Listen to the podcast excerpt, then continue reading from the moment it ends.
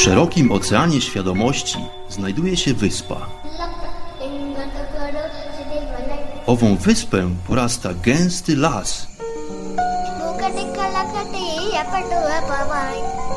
W dalekiej głębi tego właśnie lasu znajduje się słoneczna polanka.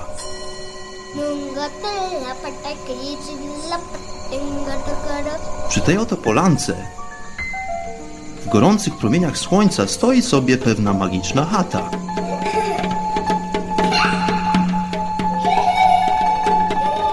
Właśnie tam żyje pewien mistyk.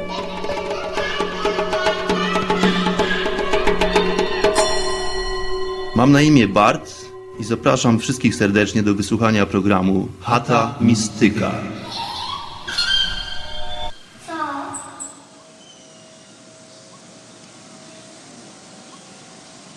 Witam w lesie, szanowny przybyszu, szanowna przybyszko.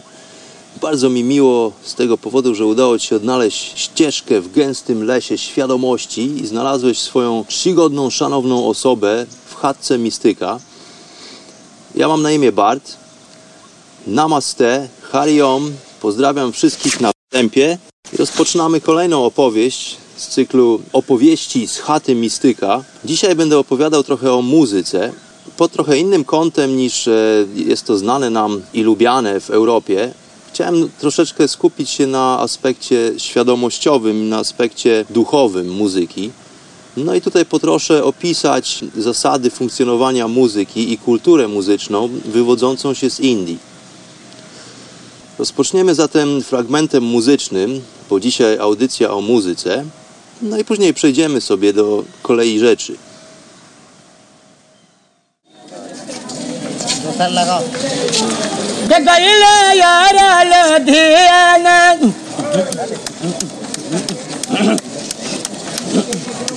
गईले यार लोधियन सैया कनाई खातिर ना टेप कर रहा है गाना के गावत यदि तब सनाया कलाकारवा आदि तब सबत पढ़ल लिखल वाला मर गया मैं आज दादी के कर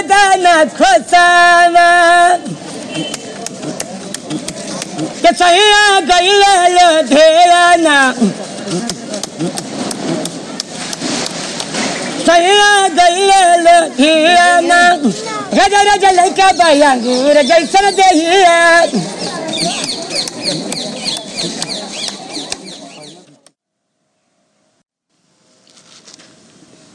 Hmm. Tak właśnie śpiewał niewidomy żebrak na ulicy buddyjskiej miejscowości Bodgaja w północno-wschodnich Indiach. Pan siedział sobie na chodniku w prostym, bardzo typowym stroju męskim w Indiach. Miał ze sobą towarzysza, starszego, brodatego pana, bardzo pokornego. Przed nimi stała metalowa miseczka.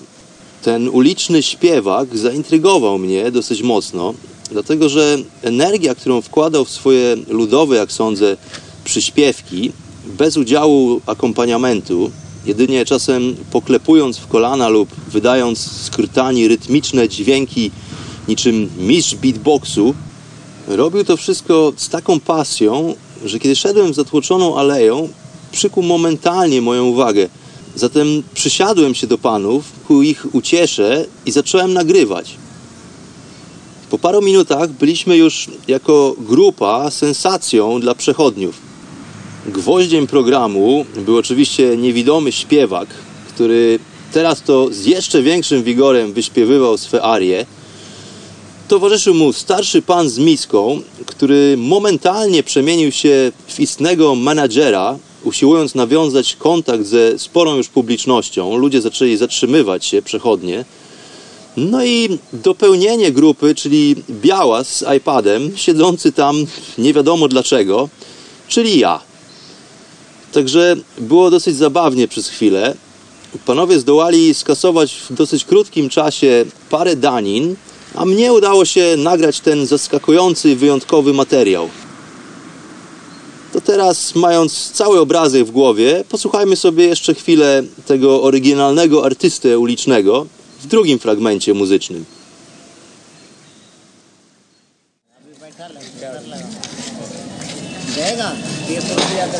Halo. No, no, no, no, no. No, no, no, no, no. अरे याद तो बेला साला क्या नहीं के बदनानत ये नारियल ले ले बल ये नारियल ले ले बल क्या दारा यार बाजार नारियल गातारा यार बाजार नारियल नारियल ले ले बल गबता यदि तबेच नयकल करवा Hata ya dite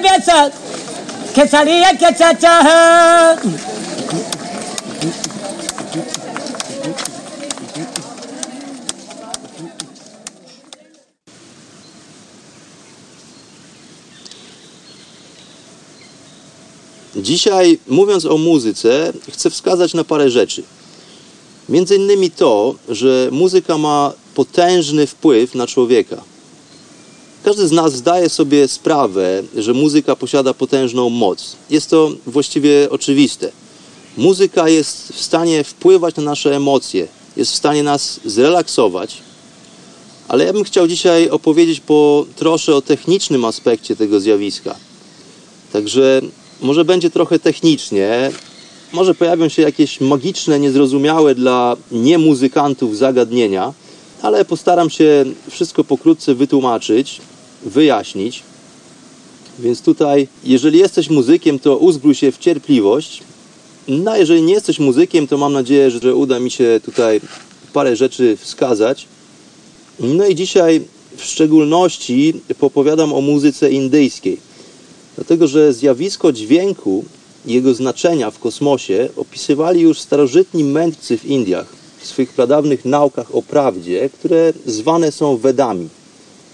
Wedy to są takie starodawne skrypty al- albo manuskrypty lub tudzież wiedza, dlatego że często Wedy przekazywane są metodą ustną z pokolenia na pokolenie, szczególnie wśród kasty Braminów.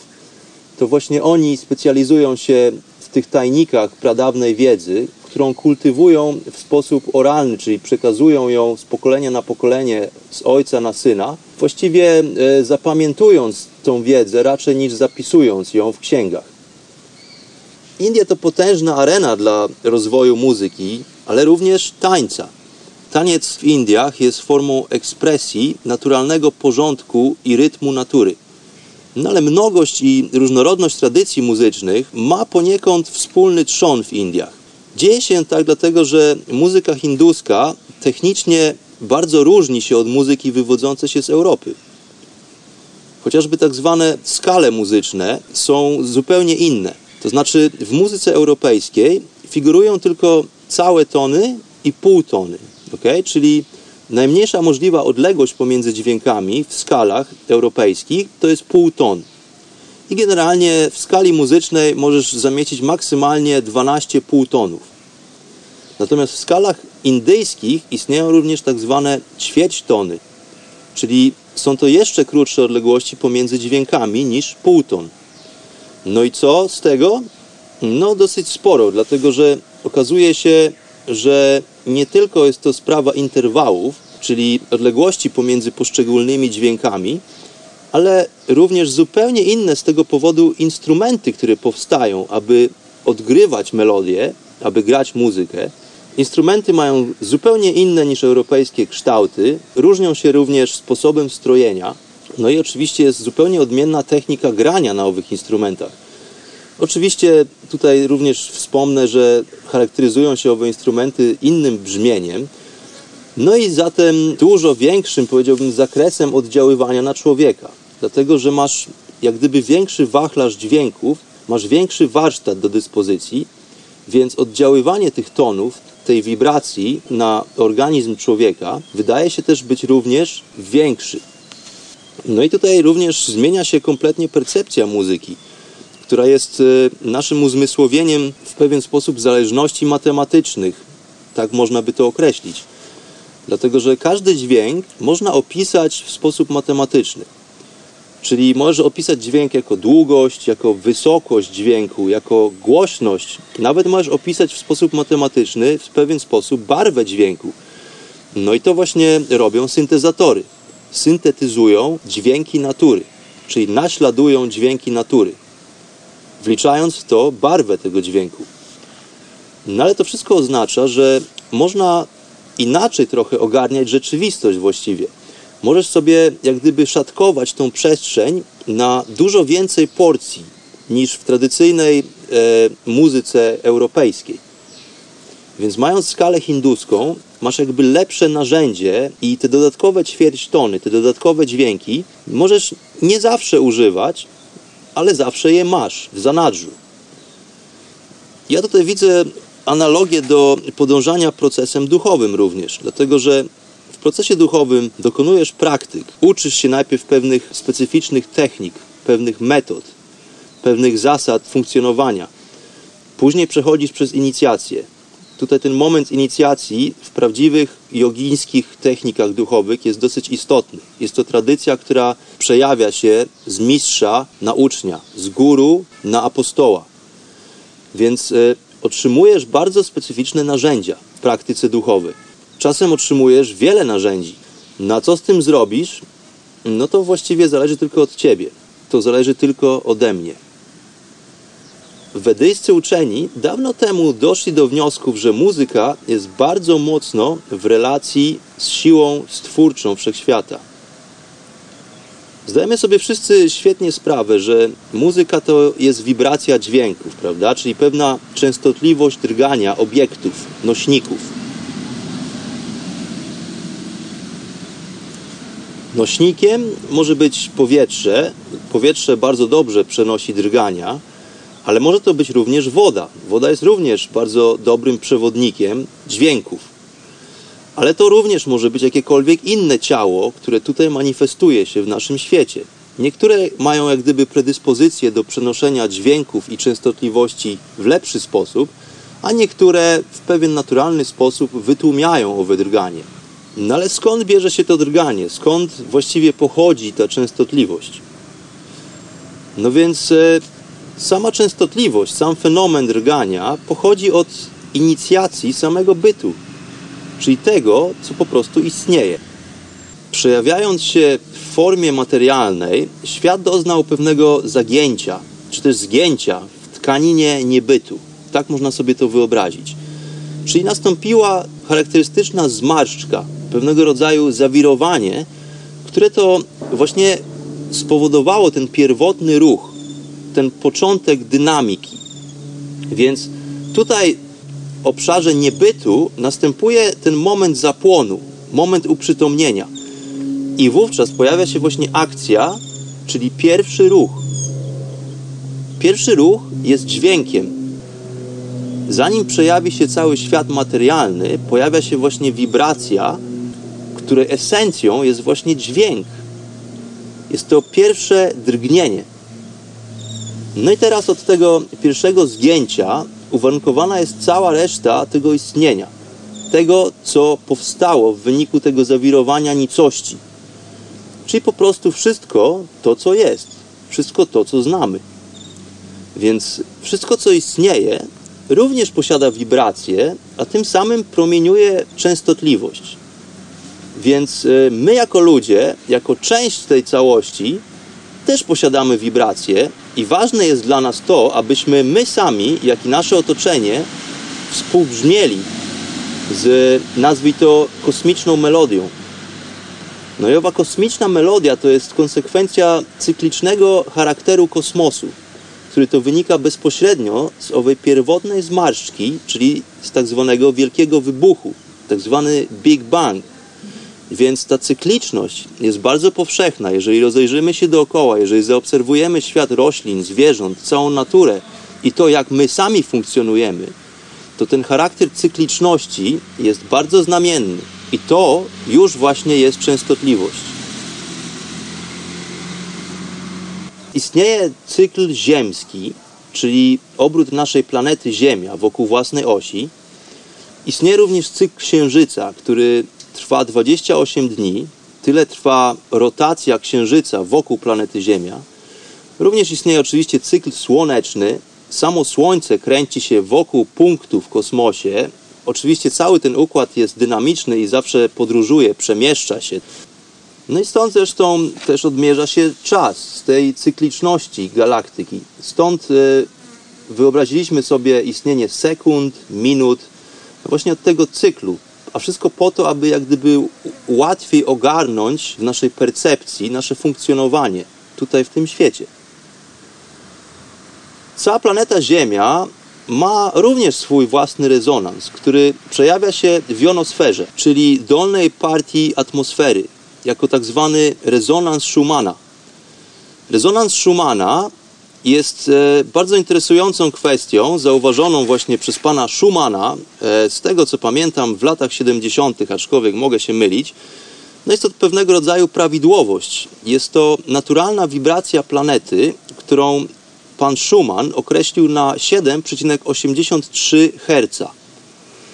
My, jako część tej planety, powinniśmy zatem również być dostrojeni do reszty i jak gdyby współbrzmieć z tą planetą, raczej niż tworzyć dysonanse. Więc e, sprawa naszej wibracji jest tutaj szalenie istotna. Czy rezonujesz z planetą, z galaktyką, czy może próbujesz świadomie, albo może nieświadomie, płynąć po prostu pod prąd rzeki, co jak wiadomo nie jest łatwą rzeczą. Tutaj ciekawostka, zauważono przez ostatnie parę lat, że rezonans Schumana właściwie zmienia się i rezonans się podnosi. Czyli z jakiegoś powodu częstotliwość Ziemi się zwiększa przez ostatnie parę lat. Tutaj nasuwa mi się momentalnie pytanie, czy jest to naturalny jak gdyby shift planety, czyli jest to, czy jest to naturalne przekształcenie planety Ziemia, czy może dzieje się tak w wyniku naszej niszczycielskiej aktywności na tej planecie, dlatego że produkujemy mnóstwo fal elektromagnetycznych, czy tak zwanych mikrofal, które są wszechobecne w, w, dzisiejszych czasach z powodu telefonii komórkowej, przesyłu danych e, bezprzewodowych i historii technologicznych z tym powiązanych. No i to wszystko produkuje nasza cywilizacja. Więc zastanawiam się, czy to my spowodowaliśmy to, że częstotliwość planety Ziemia wznosi się, czyli my musimy jak gdyby dostroić nasze organizmy teraz również do naszego otoczenia i to powinniśmy jak gdyby robić momentalnie, czy może sama planeta Ziemia reaguje w jakiś sposób i przekształca się, no i również musimy za tym w pewien sposób za tym procesem podążać.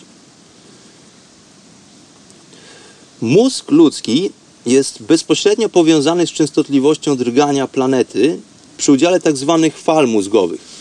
Tutaj naukowcy zauważyli, że e, fale mózgowe, które nazywa się falami alfa i teta, są bardzo mocno powiązane właśnie z aktywnością wibracyjną naszej planety. No i tu właśnie pojawia się pytanie, jeżeli zmienia się częstotliwość Ziemi przez ostatnie parę lat, to może również zmienia się w jakiś sposób nasza ludzka świadomość. No bo skoro planeta dyktuje nam taki rytm, no to my musimy w naturalny sposób podążać za tym rytmem, dlatego że jesteśmy częścią tej planety. Jeżeli nie jesteśmy w stanie natomiast dostroić się do częstotliwości naszego środowiska, no to z tego powodu mogą pojawiać się dosyć przykre schorzenia, różnego rodzaju implikacje, które właśnie związane są z tym, że nasza świadomość zaczyna funkcjonować w nieprawidłowy sposób. Tutaj w kulturze hinduskiej już od dawna stwierdzono, że dźwięk ma funkcję bardzo duchową, metafizyczną, dlatego że jego źródło pochodzi spoza świata fizycznych przedmiotów. Przy udziale odpowiednio nastrojonych dźwięków można zatem leczyć ludzi, kiedy odpowiednia wibracja stymuluje czakry, czyli centra energetyczne człowieka, bo stamtąd ta sama wibracja może już łatwo rozprzestrzeniać się do reszty organizmu. Czakry są to takie węzły energetyczne, które połączone są z każdą drobinką naszego organizmu, ale o tym opowiem w innym odcinku Chaty Mistyka. Jest to temat rzeka, bardzo obszerny, także dzisiaj nie będę tutaj na ten temat za bardzo się rozwijał bo dzisiaj rozmawiamy o muzyce. Aczkolwiek zależność pomiędzy centrami energetycznymi człowieka, owymi właśnie czakrami, a muzyką, no jest niewątpliwa. My jako ludzie doskonale zdajemy sobie z tego sprawę, dlatego istnieją formy muzykoterapii. Często wykorzystuje się do tego misy tybetańskie czy gongi. No i to wszystko stymuluje również nasze emocje, może zmienić nasze samopoczucie, z czego doskonale zdajemy sobie sprawę. Dlatego też w jodze oraz innych praktykach duchowych wykorzystuje się tak zwane mantry. Mantra, czyli odpowiednia intonacja słów czy dźwięków przy użyciu głosu, który to wprowadza w charakterystyczne drganie nasze ciało, ale również nasze otoczenie. W kulturach wschodnich, e, nie tylko indyjskiej, ale również tybetańskiej czy japońskiej, istnieje mnogość starannie skomponowanych mantr, które oddziałują wibracyjnie na organizm ludzki. Tutaj znakomicie sprawdza się pradawny język sanskryt, gdzie fenomenem jest nie tylko znaczenie poszczególnych słów, ale również ich własności wibracyjne w odpowiednim zestawieniu w słowach. Jedną z bardziej znanych mantr jest prawdopodobnie mantra Aum, gdzie dźwięk A, ten długi dźwięk A, jest oryginalnym dźwiękiem, przy udziale którego zostaje zainicjowany wszechświat. To jest prawdziwa geneza wszechświata. To jest właśnie ten pierwotny ruch, to zapoczątkowanie dynamiki, który przejawia się dźwiękiem. Ten dźwięk to jest właśnie dźwięk A. Natomiast pozostałe dwa dźwięki, czyli U i M, są to dźwięki, które podnoszą wibracje, które powodują ten bardzo charakterystyczny rezonans i używane podczas mantry, wypowiadane w odpowiedni sposób, są w stanie podnieść naszą wewnętrzną energię życia, naszą pranę, wyższe partie naszego ciała, wyższe partie naszego systemu energetycznego, właśnie przy udziale owych czakr. No a brzmi to mniej więcej tak.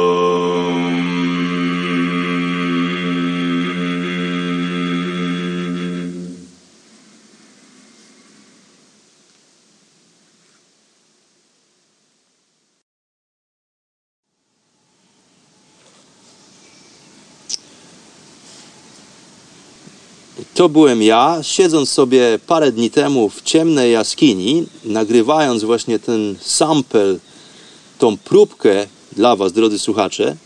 No ale powracając do muzyki i do wibracji, więc jest to swego rodzaju pomost, ta mantra Aum, pomiędzy naturą a człowiekiem. Więc skoro natura jest skutkiem tego pierwotnego dźwięku Aum, lub om, dlatego że w dzisiejszych czasach e, bardziej popularna wydaje się forma om, która jest rodzajem sproszczenia, które to powstało na przełomie tysięcy lat w tradycji tutaj hinduistycznej, gdzie om jest rodzajem spłaszczenia tej bardzo potężnej mantry składającej się z trzech dźwięków aum, no brzmi to podobnie, aczkolwiek moc mantry OM, powiedziałbym, jest troszeczkę niedopełniona. No więc mantra OM w dzisiejszych czasach y, jest bardziej popularna, ale w oryginalnych Wedach, czyli w tych oryginalnych skryptach, jest to definitywnie Aum, czyli jak gdyby pełen zakres owej mantry. No i to wszystko za sprawą owego pierwotnego zgięcia, owego Big Bang, wielkiego wybuchu. No i tu dawni mistycy odkryli, że poprzez wibrację słowa człowiek może przejąć poniekąd kontrolę nad tym, w jaki sposób manifestuje się natura. Czyli tutaj pojawia się element magii, dlatego że to wszystko właśnie za sprawą odpowiednich czantów, czyli owych pieśni czy mantr, Wiedzą o tym e, zresztą szamani w Amazonii, wiedzą o tym szamani na Syberii. To wiedzieli Indianie w Ameryce Północnej, kiedy poprzez bardzo specyficzne rytuały muzyczne byli w stanie zaklinać deszcz czy wiatr. Podobne praktyki zresztą znane są też wśród Arabów. Tutaj, aby uwidocznić, jak bardzo muzyka hinduska różni się od europejskiej i jak bardzo doceniany jest wpływ muzyki na organizm ludzki, chcę przywołać parę zagadnień technicznych i system muzyczny, który to opisany jest w Wedach, a dokładnie w Sama Wedzie, tak nazywa się ta księga, Sama Veda, która to jest najprawdopodobniej najstarszym znanym nam tekstem opisującym muzyczną naukę, właśnie opowiada troszeczkę o technicznym aspekcie tego zagadnienia. Podstawą muzyki hinduskiej są tak zwane raga, czyli określone skale muzyczne. Jest sześć podstawowych raga, które dzielą się na 126 pochodnych skal, zwanych ragini. Ragini oznacza żony oraz putra, czyli synowie. Każda raga ma minimum pięć dźwięków. Jest to dźwięk wiodący, czyli tak zwany wadi, co oznacza króla.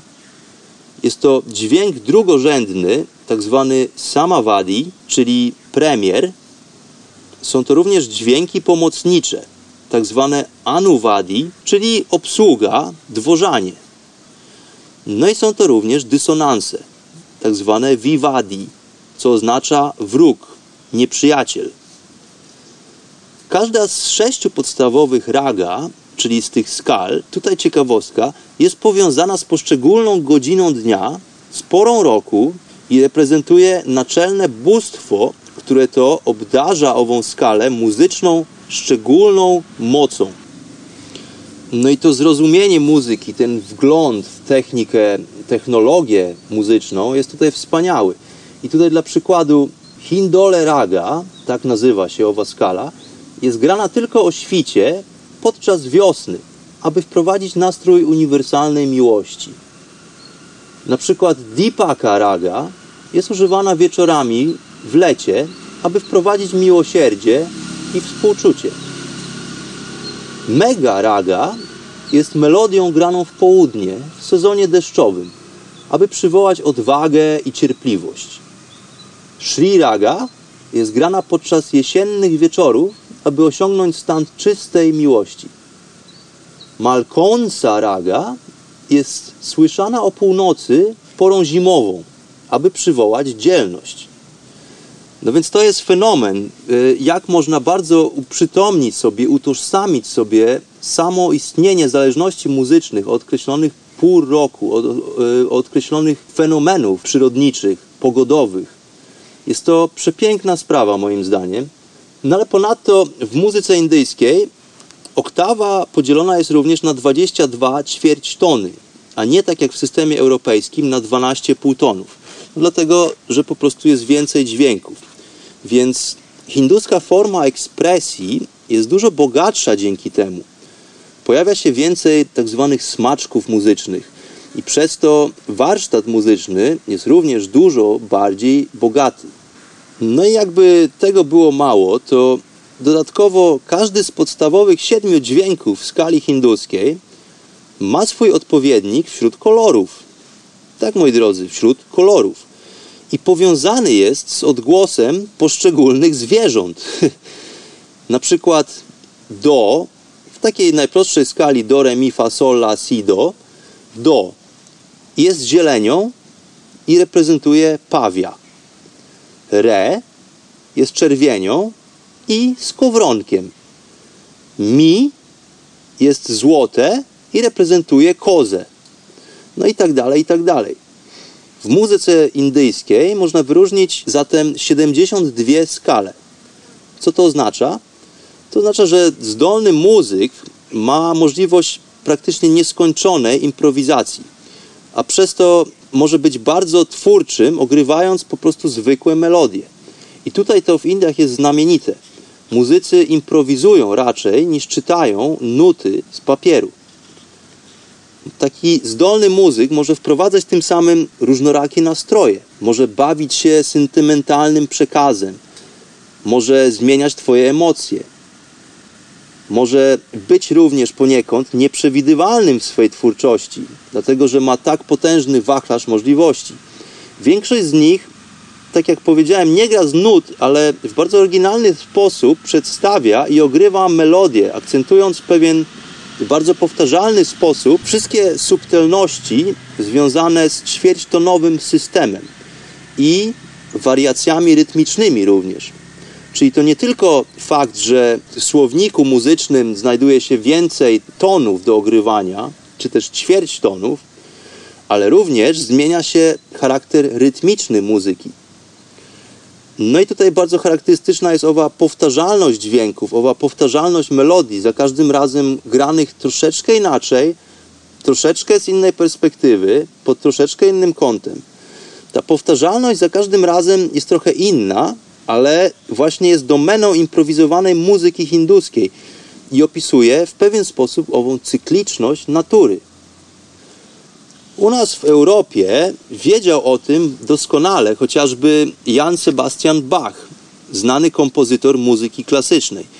I wykorzystywał ten fenomen w swoich kompozycjach, wykorzystywał ową moc powtórzeń, która zwielokrotniona lekko odmiennym odgrywaniem tego samego muzycznego tematu lub czasem nawet pojedynczego dźwięku sprawiała zupełnie inne wrażenie i odbiór wśród publiki.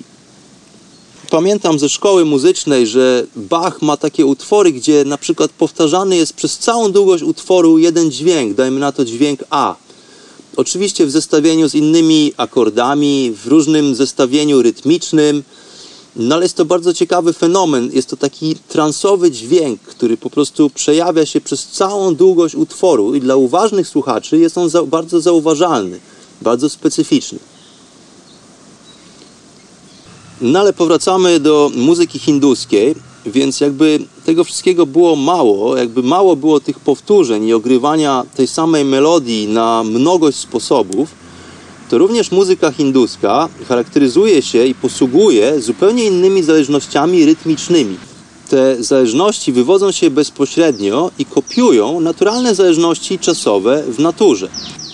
Dla przykładu ruchy człowieka podczas marszu, na przykład kiedy człowiek po prostu idzie. Czy na przykład trzyczłonowy schemat oddychania podczas snu, kiedy to wdech jest dwa razy dłuższy niż wydech, kiedy śpimy.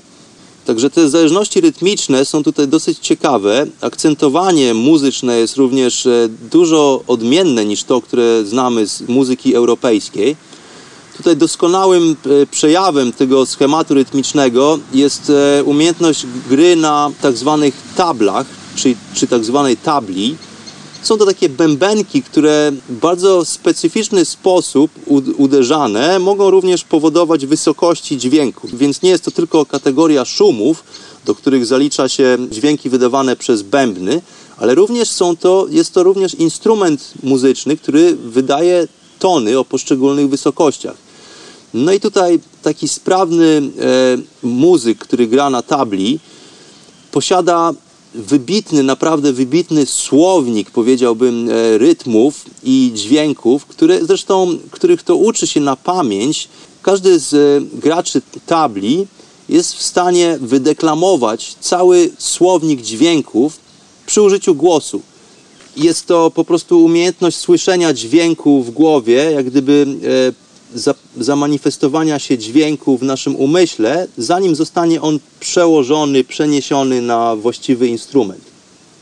Więc y, muzyka hinduska jest bardzo subiektywna, można by powiedzieć, bardzo personalna, bardzo osobista, nakierowana bardzo często na indywidualne doznania, tym samym staje się bardzo duchowa.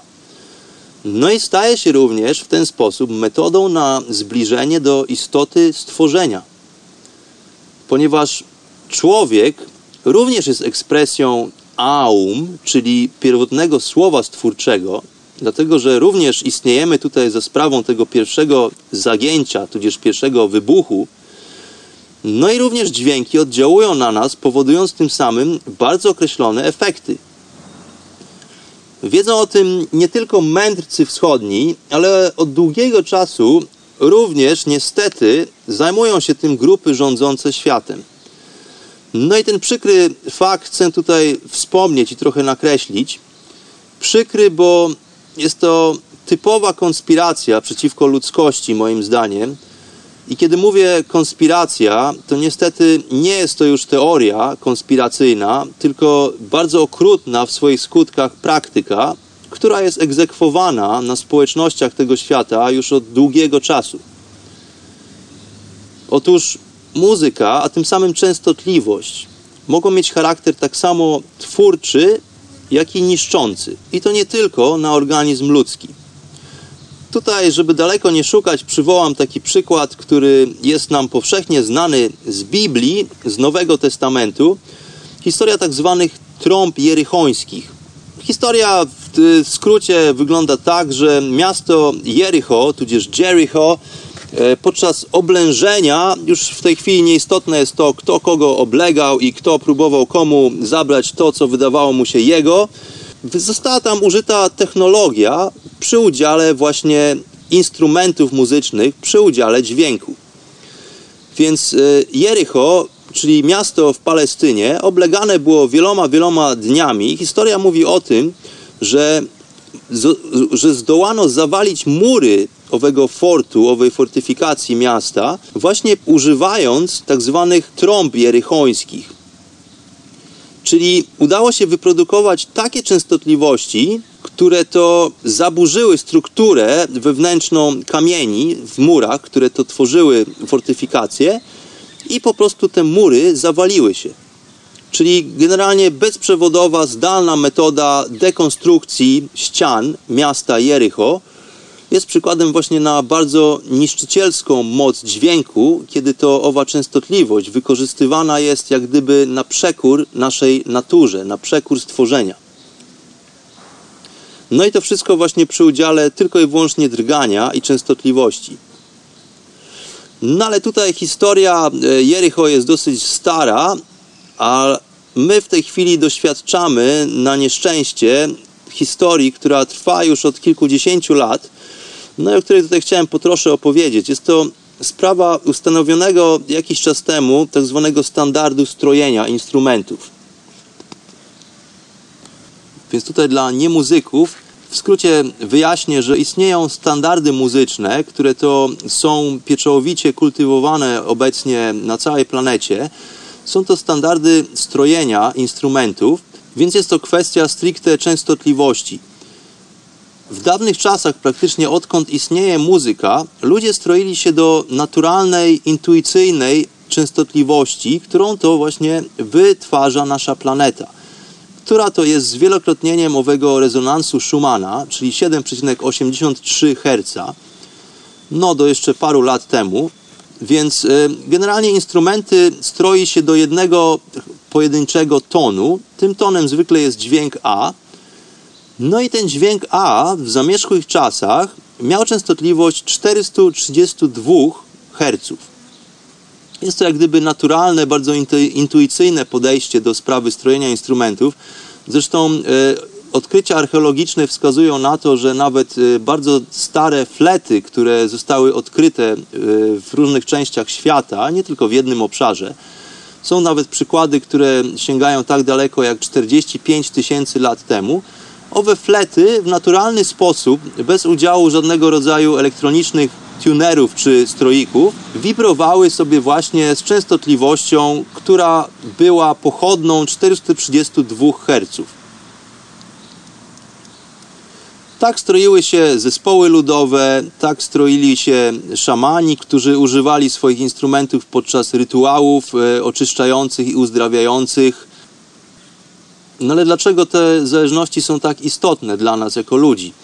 okazuje się, że nasz mózg już na poziomie jak gdyby fizycznym, technicznym zbudowany jest w ten sposób, że lewa półkula mózgowa odpowiedzialna jest za racjonalne, logiczne podejście do rzeczy, odpowiedzialna jest za opisywanie szczegółów, pewnych rodzajów faktów. W ten sposób też e, budujemy słowa i cały nasz język. Również powiązane jest to z naszym poczuciem bezpieczeństwa i, stało, i stałości. Natomiast nasza prawa półkula mózgowa używa bardziej uczuć, używa intuicji. Zajmuje się oglądem ogółu, czyli widzi jak gdyby wielki obrazek, a nie szczegóły. Również tutaj pojawia się wyobraźnia, tutaj również e, pojawia się interpretacja symboli i obrazków. No i stąd również pochodzi nasze poczucie wyzwania i ryzyko, które jesteśmy w stanie podjąć. No i to wszystko znamienne jest właśnie dla częstotliwości 432 Hz. Natomiast w dzisiejszych czasach ogólnym standardem strojenia instrumentów stała się częstotliwość 440 Hz, która została nam w bardzo brzydki sposób narzucona. No, historia jest taka. E, rodzina Rockefellerów, czyli ten klan, który usiłuje przejąć kontrolę nad planetą Ziemia, który już od wielu, wielu pokoleń pociąga potajemnie za różnego rodzaju sznurki, przy udziale drugiej znanej rodziny Rothschildów, którzy to są po prostu agentami Rockefellerów. To, to z grubsza wygląda tak, że Rockefellerowie są e, sponsorami różnego rodzaju projektów, natomiast e, rodzina Rothschildów specjalizuje się właśnie e, w wywiadzie. No i za sprawą tych dwóch klanów zostaje wprowadzony nowy standard strojenia. To wszystko oczywiście przy udziale potężnej finansjery. Pojawia się tutaj nazwisko pana JP Morgana, który JP Morgan jest to pan, który początkowo sponsorował e, wynalazki i działalność pana Edisona i pana Nikola Tesli. Ta historia dla wielu z nas jest e, znana. Tesla, który był absolutnym geniuszem tej cywilizacji, który doskonale rozumiał zależności i powiązania natury, w której to funkcjonujemy i fenomenów, które przejawiają się w tej naturze, wyłamał się z e, tej finansjery kontrolowanej przez pana JP Morgana, oczywiście z bardzo przykrymi konsekwencjami dla niego. Natomiast e, Thomas Edison zagarnął wszelkiego rodzaju wynalazki, przywłaszczył sobie prawa do różnego rodzaju pomysłów no i kontynuował swoje złowieszcze prace w firmie pod tytułem General Electric, która to sponsorowana była właśnie przez pana Morgana. No i panowie owi e, zaczynają tworzyć bardzo potężne narzędzia propagandy, dlatego że rozwija się technologia, rozwija się radio, powstają filmy, powstają pierwsze filmy udźwiękowione. No i oczywiście jest to potężne narzędzie manipulacji społecznościami w 1939 roku zostaje zmieniony ten standard muzyczny w USA, czyli e, podczas kiedy wybucha II wojna światowa e, w Europie i kiedy jak gdyby uwaga ludzi skupia się na zupełnie innych kwestiach, wykorzystują to właśnie Rockefellerowie i Rothschildowie, no i narzucają w Stanach Zjednoczonych nowy standard e, tworzenia muzyki. Jak wiadomo, druga wojna światowa, czyli potężny, dynamiczny rozwój technologii, za czym również idzie rozwój psychologii. E, pan Zygmunt Freud zajmował się technikami sterowania masami ludzi, co było bardzo istotne dla grup rządzących. E, pan Goebbels, czyli minister propagandy w III Rzeszy, promuje bardzo mocno partię nazistowską, Rothschildowie oczywiście wspierają to wszystko, te wszystkie działania, no i wprowadzają nowy standard również w Europie. To wszystko po cichu, za plecami wszystkich. E, zabawne jest to, że standardami muzycznymi w Europie wówczas zajmowało się Towarzystwo Muzyczne ustanowione w Anglii. No i właśnie poprzez to angielskie towarzystwo podczas II wojny światowej zostaje wprowadzony nowy standard strojenia instrumentów, właściwie już w tej chwili na całym świecie. Więc e, zaczyna się masowa psychoza. Dlatego, że częstotliwość 440 Hz jest tuż obok właściwej, naturalnej częstotliwości, którą, którą wibruje człowiek, aczkolwiek jest bardzo charakterystycznym dysonansem dla naturalnej wibracji stworzenia. Więc ludzie pod wpływem 440 Hz okazuje się pracują dużo ciężej, łatwiej stosują się do zasad i do poleceń przełożonych. Ta częstotliwość dużo bardziej oddziałuje na naszą lewą półkulę mózgową, czyli na właśnie, która odpowiedzialna jest za ten racjonalny, logiczny sposób myślenia, za tą subordynację. No i to są właśnie efekty, które w trzeciej Rzeszy w owym czasie są właśnie bardzo pożądane.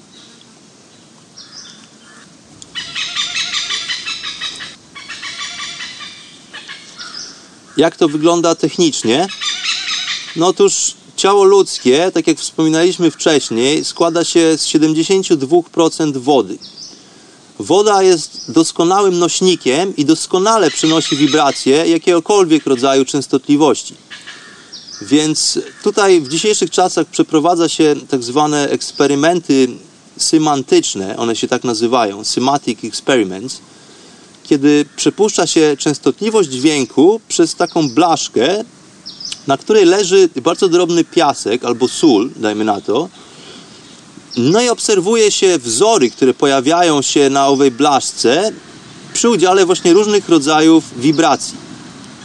Zresztą podobne eksperymenty prowadzone są również z wodą, gdzie również pojawiają się bardzo charakterystyczne wzory w zależności od udziału poszczególnych częstotliwości.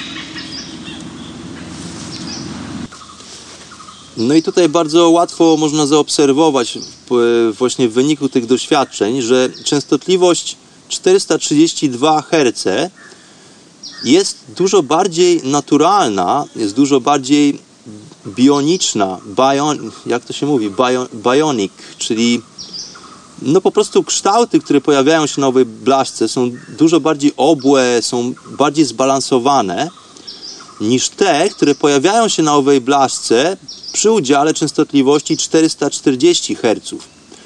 Te kształty są jak gdyby dużo mniej naturalne, są bardziej zaostrzone, są nieharmoniczne.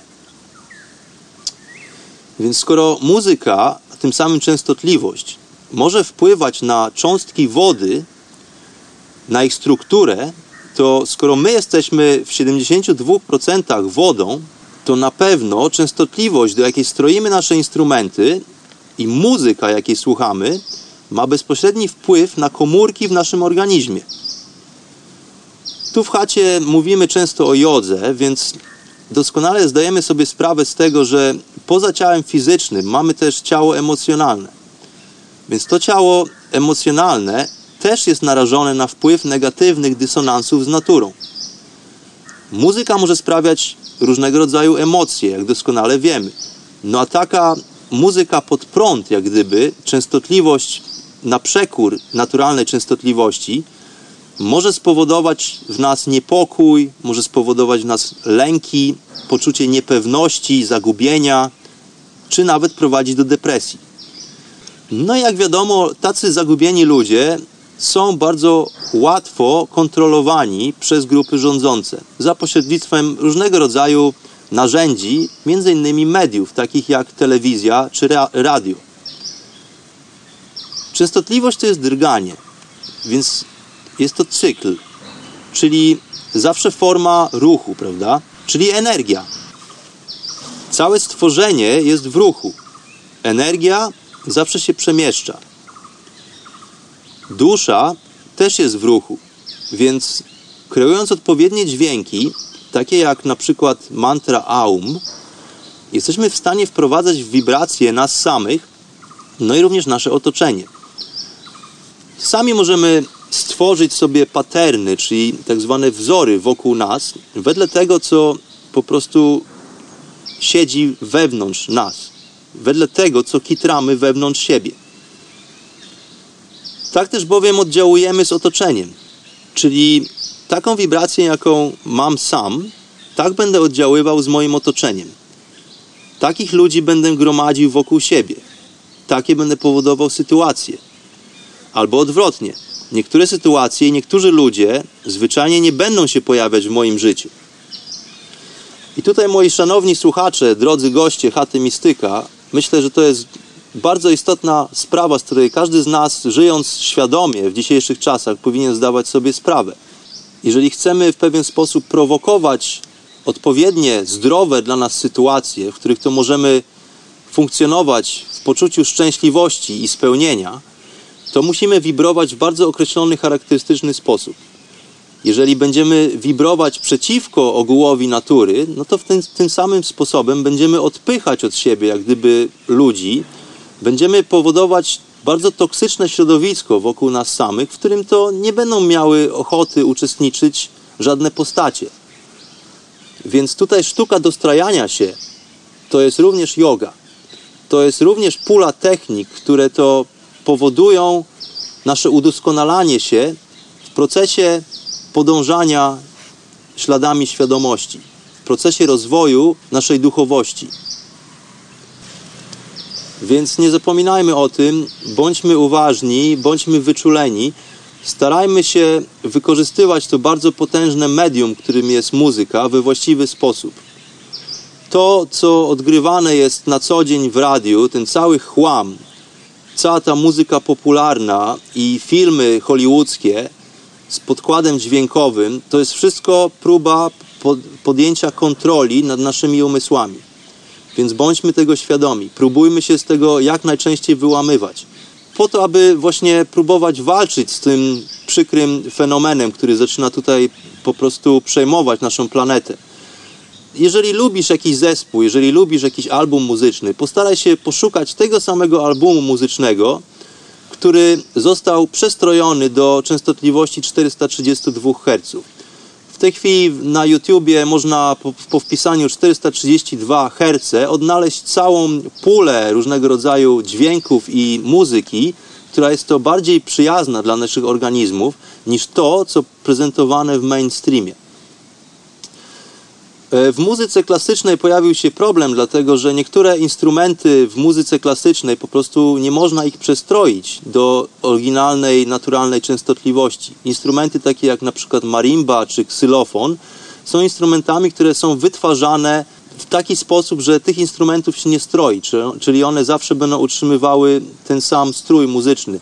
Instrumenty takie jak gitara na przykład, czy pianino, można e, w bardziej łatwy sposób przestroić do naturalnej częstotliwości natury, no ale sprawa wydaje się coraz trudniejsza, dlatego istotne jest to, abyśmy na ten temat rozmawiali, abyśmy byli tego problemu świadomi i żebyśmy komunikowali się między sobą, przekazując sobie informacje na ten temat.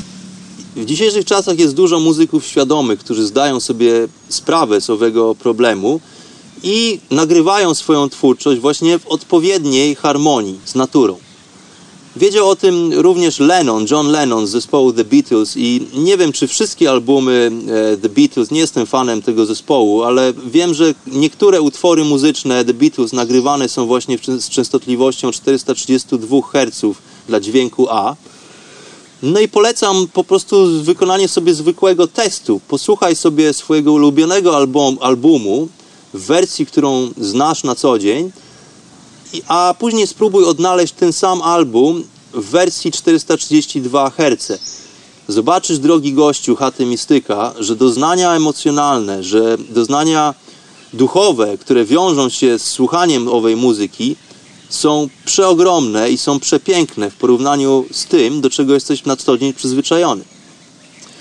Także zachęcam wszystkich do wyłamania się, zachęcam wszystkich do istnej muzycznej rewolucji, bądźmy świadomi tego, że ktoś próbuje decydować o nas, co jest dla nas lepsze, że ktoś próbuje stłamsić nasze naturalne instynkty, że ktoś próbuje odłączyć nas od natury, której jesteśmy częścią, no i w ten sposób, w pewien sposób zaniechać naszą naturalną egzystencję i współbrzmienie z ową naturą.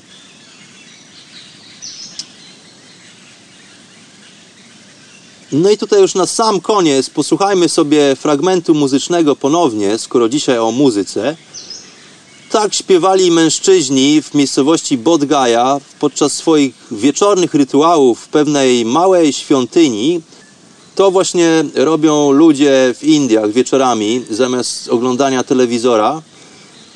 Zbierają się razem w grupach i czy są to ry- rytuały religijne, czy też przyśpiewki ludowe, spędzają właśnie trochę czasu wieczorem wspólnie po to, aby połączyć się w jednolitej wibracji, w jednolitej harmonii ze Stwórcą, ze stworzeniem, ze wszechświatem.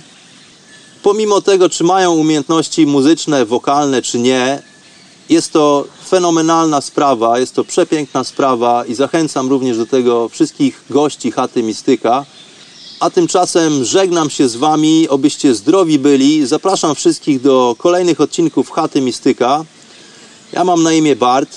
Bądźcie w pokoju, bądźcie w spokoju, bądźcie w symbiozie z naturą. Namaste, pranam.